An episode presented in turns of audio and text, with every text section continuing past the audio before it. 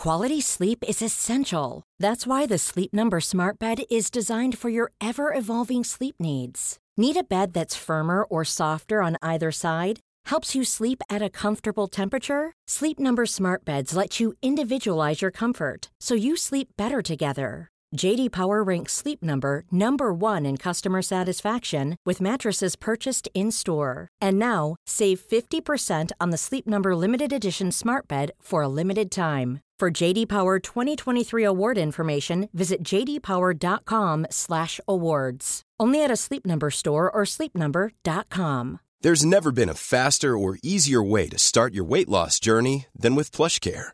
PlushCare accepts most insurance plans and gives you online access to board-certified physicians who can prescribe FDA-approved weight loss medications like Wigovi and Zepbound for those who qualify. Take charge of your health and speak with a board-certified physician about a weight loss plan that's right for you. Get started today at plushcare.com slash weight loss. That's plushcare.com slash weight loss. plushcare.com slash weight loss. Hei alle sammen, Marius Lorentzen i Finansavisen her, og velkommen til denne spesialepisoden om boligmarkedet og eiendom. Vi skal nå runde av vår spesialserie der vi har sluppet alle foredragene fra vår eiendomskonferanse som ble arrangert like før jul, der det har vært snakket om alt fra boligpriser og hoteller til næringseiendom og ikke minst renter. Vi har i denne serien hørt hva sjefen i DNBs eiendomsavdeling Olav T. Løvstad tror om rentene og fremtiden, og nå skal vi høre fra bransjen selv. Her har du analysesjef og partner Håkon Ødegaard i eiendomsutvikler og forvalter Malling og Co. Tusen takk for eh, hyggelig introduksjon. Vi har jo som tradisjon å ha med et uh, forsidebilde uh, på presentasjonene våre som representerer markedsstemningen. Og ja, dere skjønner jo selv, Vi velger å fokusere da på uh, bakgrunnen her og en soloppgang. Så det er jo litt øye som ser, da. Jeg skal snakke om tre ting i dag. Jeg har bare 20 minutter. Eh, og jeg har tatt for meg de tre mest sentrale spørsmålene for eiendomsinvestorer om dagen. Det ene er, som vi allerede har vært inne på med Olav, eh, hvor skal rentene fremover? Og hva skjer med KPI-en og justering av leie? Veldig mange i eiendom som er opptatt av det. Eh, hvordan blir leiemarkedet fremover? Og rekker bare å snakke om kontor i dag. Og hvor mye har eiendom falt i pris, og hvor mye skal det falle? å starte med første tema, og som Olav allerede har vært inne på, det som på en måte har vært den store skrekken gjennom 2022, eh, er jo da eh, de til stadig eh, økte rentene. Og her er hentet ut da eh, eh rentekurven, eller rentebanen, i pengepolitisk rapport gjennom 2022. Og vi ser jo at rentebanen har blitt justert opp eh, jevnt og trutt gjennom året i de ulike pengepolitiske rapportene fra Norges Bank. Eh, og vi ser også i siste pengepolitisk rapport fra september at kurven har blitt brattere, og renta har blitt satt opp til 2,5% Og Det er jo da særlig prisveksten, inflasjonen, som har vært eh, grunnen til at eh, denne, eller styringsrenta har gått opp. Og det er også høy kapasitetsutnytting i norsk økonomi. Og dette har jo da også, som Olav har vært inne på, ikke bare drevet styringsrenta og de korte rentene, men også de lange rentene har steget mye på, på kort tid. Og Spørsmålet er liksom, hva er det som vil drive dette fremover? Jo, vi vet jo at Inflasjonen har vært en stor overraskelse gjennom året. Man trodde at inflasjonen skulle være transitory, altså gå kjapt over, men den har vært, vært vedvarende gjennom året og vært høyere enn man har forventet lenger. Og jeg syns det da er litt interessant å se dette i det virkelig lange tidsperspektivet. Eh, og her har jeg hentet ut rett og slett en oversikt over KPI, KPI-AE, inflasjonsmålet og styringsrente helt tilbake til begynnelsen av 80-tallet. Uh, og uh, vi ser jo her at vi uh, har jo ikke hatt inflasjonsstyring som formelt mål for pengepolitikken i hele denne perioden. Det ble innført formelt da i 2001. Eh, og så har vi under denne perioden justert inflasjonsmålet fra 2,5 til 2% Det skjedde i 2018. Eh, og så ser vi da i denne perioden eh, fra 2001 til nå at vi aldri har hatt så høy inflasjon så lenge vi har hatt inflasjonsmålet. Og det sier noe om risikoen til, til hvor er det sentralbankene vil ta oss. Og det er jo tema hver eneste dag i, i media omtrent. Men det er på en måte poenget her. Det er stor usikkerhet, og man lurer på hvor lenge denne inflasjonen vil vare, og når den kommer ned. Og Hvis vi eh, ser på hva Norges Bank har trodd på, og hvordan KPI-en og KPI-A-en har gått gjennom året, så ser vi altså at her er det tatt med prognosene til pengepolitisk rapport eh, nummer to, altså som kom rett før sommeren. Vi ser jo at de faktiske tallene har tikket opp langt over det eh, sentralbanken selv ventet for tolv måneders eh, prisvekst. Eh, og så legger vi på de siste prognosene på, eh, for september, og så ser vi at det ser ut som de fortsatt bommer på på inflasjonstallene. Da. Og eh, Hvis vi skal se litt hvordan eh, dette kan eh, bli videre fremover, så er det som sagt veldig stor usikkerhet. Men det er kanskje tre ting som vi syns er særskilt interessant hva gjelder inflasjonen. Og Det ene er jo strømprisene. Og Her har det vært litt eh, komplisert, fordi strømprisene beregnes inn i KPI etter strømstøtten. For det beregnes da ut på konsumentene. Og den har jo endret seg gjennom året, fra 80 til 90 Eh, og den er jo eh, En eller annen gang så blir den antageligvis borte også. Eh, den teller 4% men den kan være en bidragsyter ned den dagen strømprisene går under denne terskelverdien for strømstøtten. Og den kan også i starten av året, hvis vi får skikkelig høye strømpriser, også bidra opp på KPI-en. Og så er det en del av KPI-en som ikke har vært snakket så mye om, men som vi tror blir ekstremt viktig, særlig i starten av neste år. Og det er eh, summen av betalt og beregnet husleie. Og SSB ser på 2500 leieforhold, altså for bolig gjennom eh, året. Eh, og så beregner de også en implisitt leie til alle oss som da eier egen bolig. Eh, og det her teller 18,3% av KPI og en litt større andel i KPI eh, i AE. Og den har steget kun 2,4 gjennom året. Uh, og uh, Her vet vi at det er to underliggende drivere. Det ene er KPI-en i seg selv. For mange av disse kontraktene, eller de fleste av disse kontraktene er det mulig å KPI-justere. Så det er en, en, viss feedback inn i den eh, KPI-en, som allerede er høy. I tillegg så vet vi at markedsleiene for utleie av bolig har steget en god del, og i Oslo 10-15 Eh, og hvis vi ser på historiske tall, så ser vi at denne eh, gjerne har økt mest i januar. Så vi forventer at eh, den husleiekomponenten i KPI vil være en viktig bidragsyter, i hvert fall i starten av, av 2023, og potensielt kan overraske på oppsiden. Og så er det matvarer og alkoholfrie drikkevarer, som også en, har vært en viktig driver gjennom året. Der er det varslet nye prisjusteringer fra eh, 1.2. Eh, så vet vi at de internasjonale matprisene har sunket noe, men eh, det ser ikke ut til at det eh, vil få effekt, i hvert fall ikke i starten av 2023, på norske priser.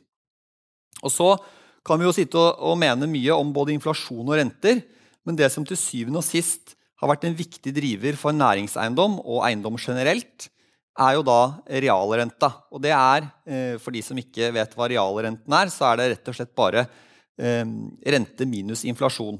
Hva koster det meg i, eh, egentlig å låne penger? Og vi har, som Olav var også inne på, vi har vært, inne, i en fantastisk periode, og særlig for eiendom, egentlig, hvor vi egentlig har hatt eh, ti år med negativ realrente. Det har vært gratis å låne penger.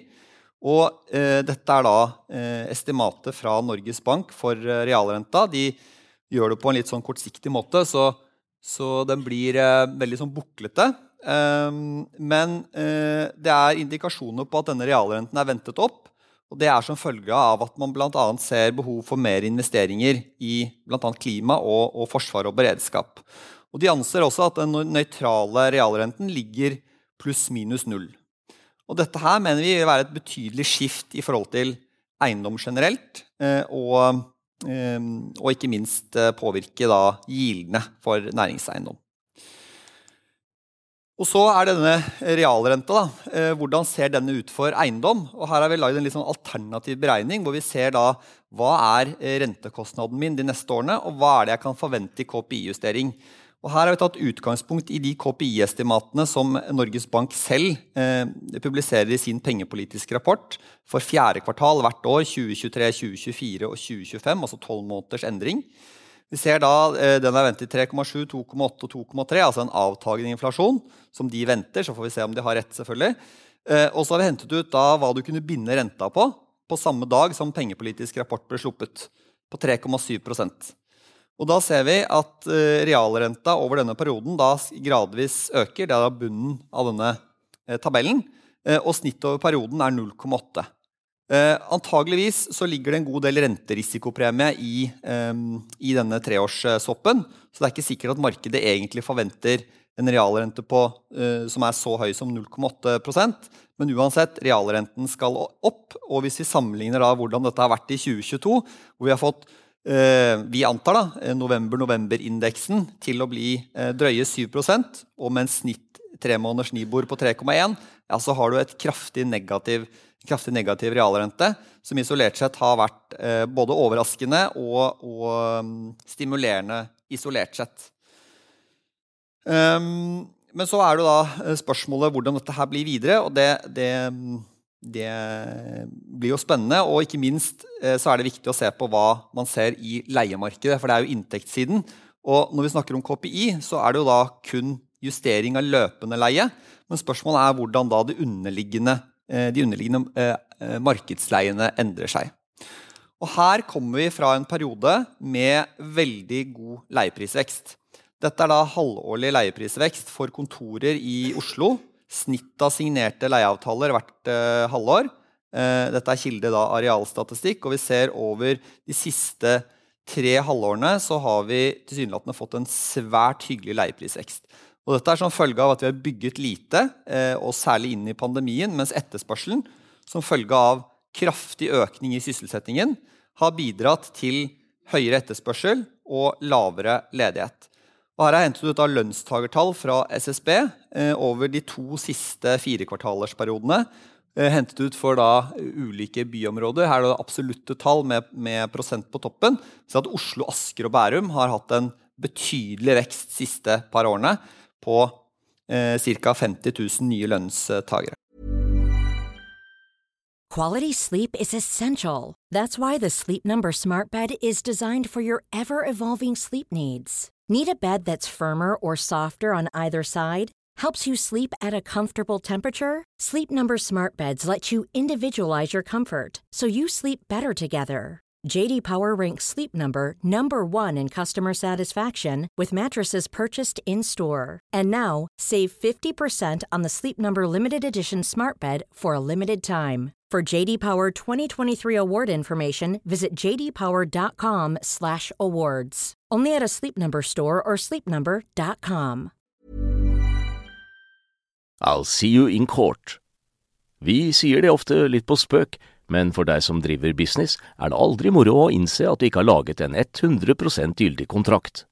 Du bør ikke risikere hele firmaet ditt fordi du synes dette med kontrakter er litt stress. En avtale er ikke en avtale. Du kan miste kunder, miste venner, ja, til og med miste inntekter om du ikke lager en skikkelig kontrakt, på alt mulig, egentlig. Men vi vet det er et styr.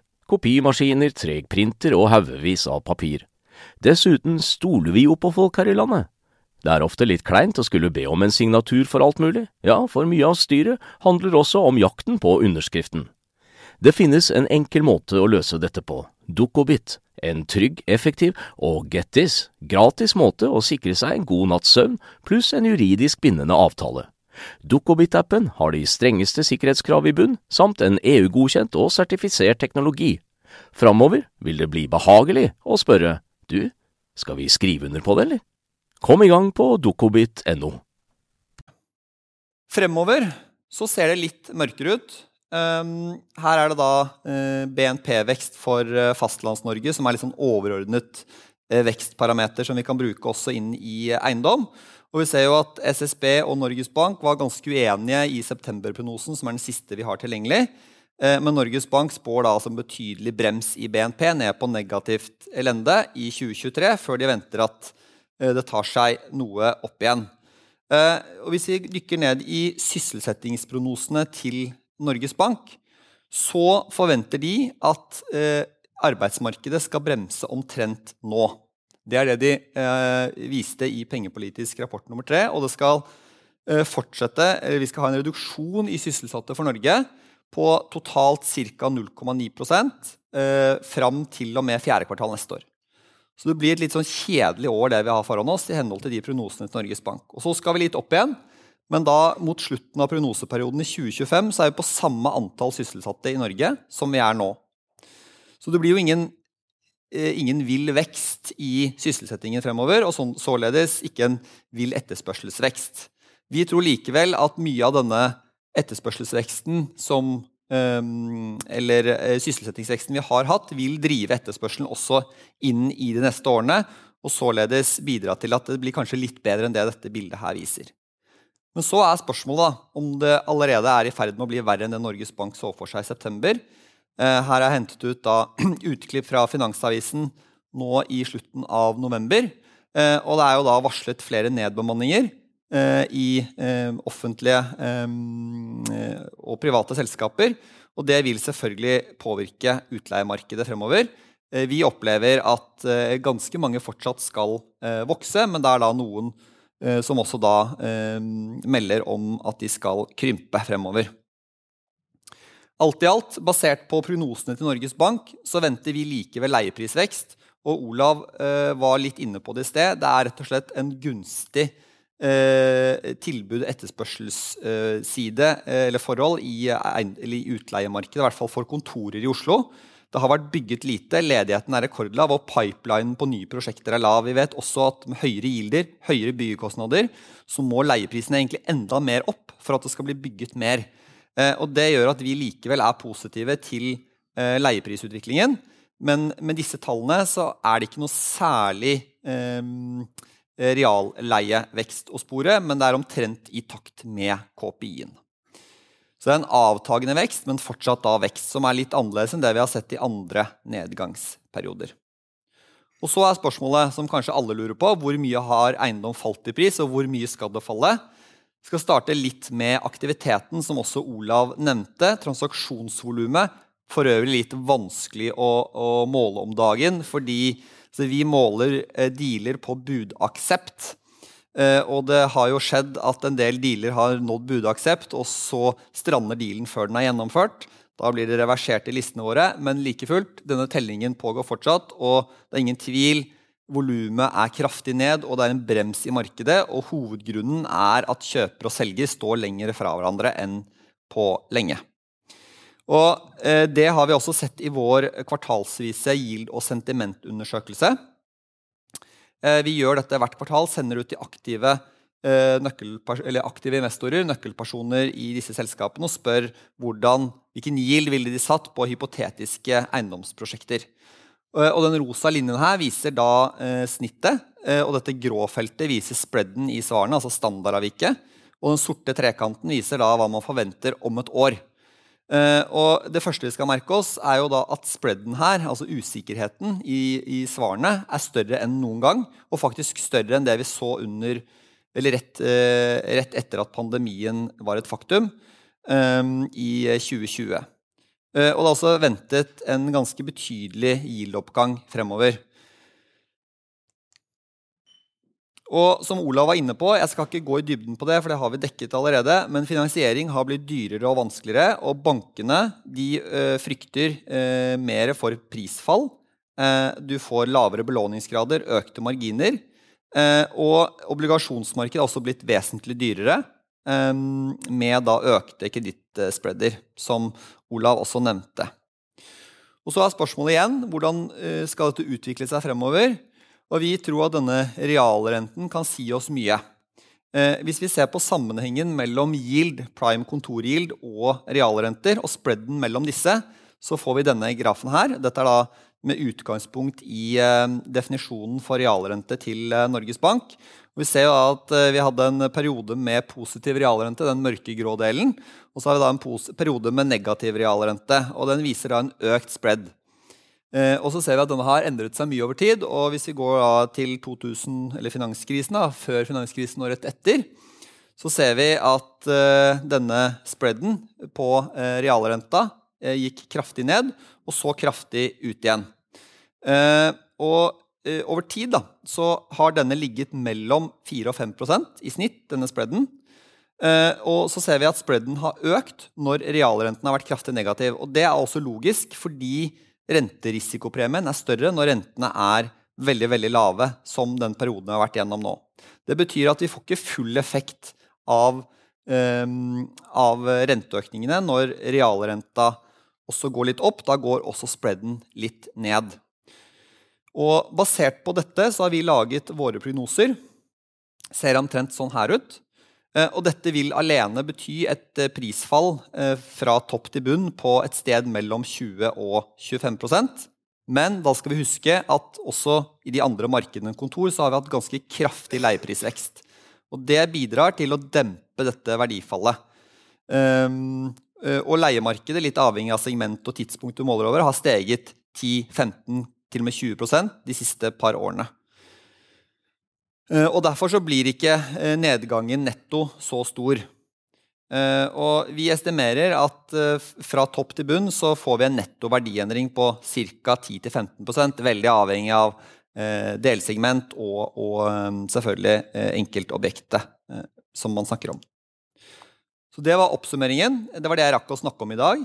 Rentene skal antageligvis ytterligere opp, i hvert fall hvis vi får videre inflasjonsvekst, som det ser ut som vi i hvert fall får inn i, i 2023. I hvert fall tror vi det. Um, og eh, KPI-en ligger da langt over målet, eh, antageligvis eh, også i hele 2023. Eh, og Det må jo da eh, også eiendomsinvestorene ta med seg når de regner på, på caser. Veksten på leieavtaler man allerede har, eh, vil antageligvis være bedre enn en inflasjonsmålet. Da. Leiemarkedet tror vi vil roe seg noe, men det er vesentlig bedre enn tidligere kriser grunnet lavt tilbud. Og leieprisen er ventet omtrent å følge KPI, altså markedsleiene. Verdiene har falt 5-10 Vi tror de vil falle 5-10 til. Og så er det litt avhengig av uh, hvor prisene er akkurat nå. Som det ble nevnt her i sted, så er det vanskelig å finne gode objekter å sammenligne hvor markedet egentlig er om dagen. Um, så uh, antageligvis så kan man også si at mye av dette fallet allerede er, har skjedd. da. Uh, men netto da, med leieprisvekst så estimerer vi et totalt fall på 10-15% over denne kalde perioden.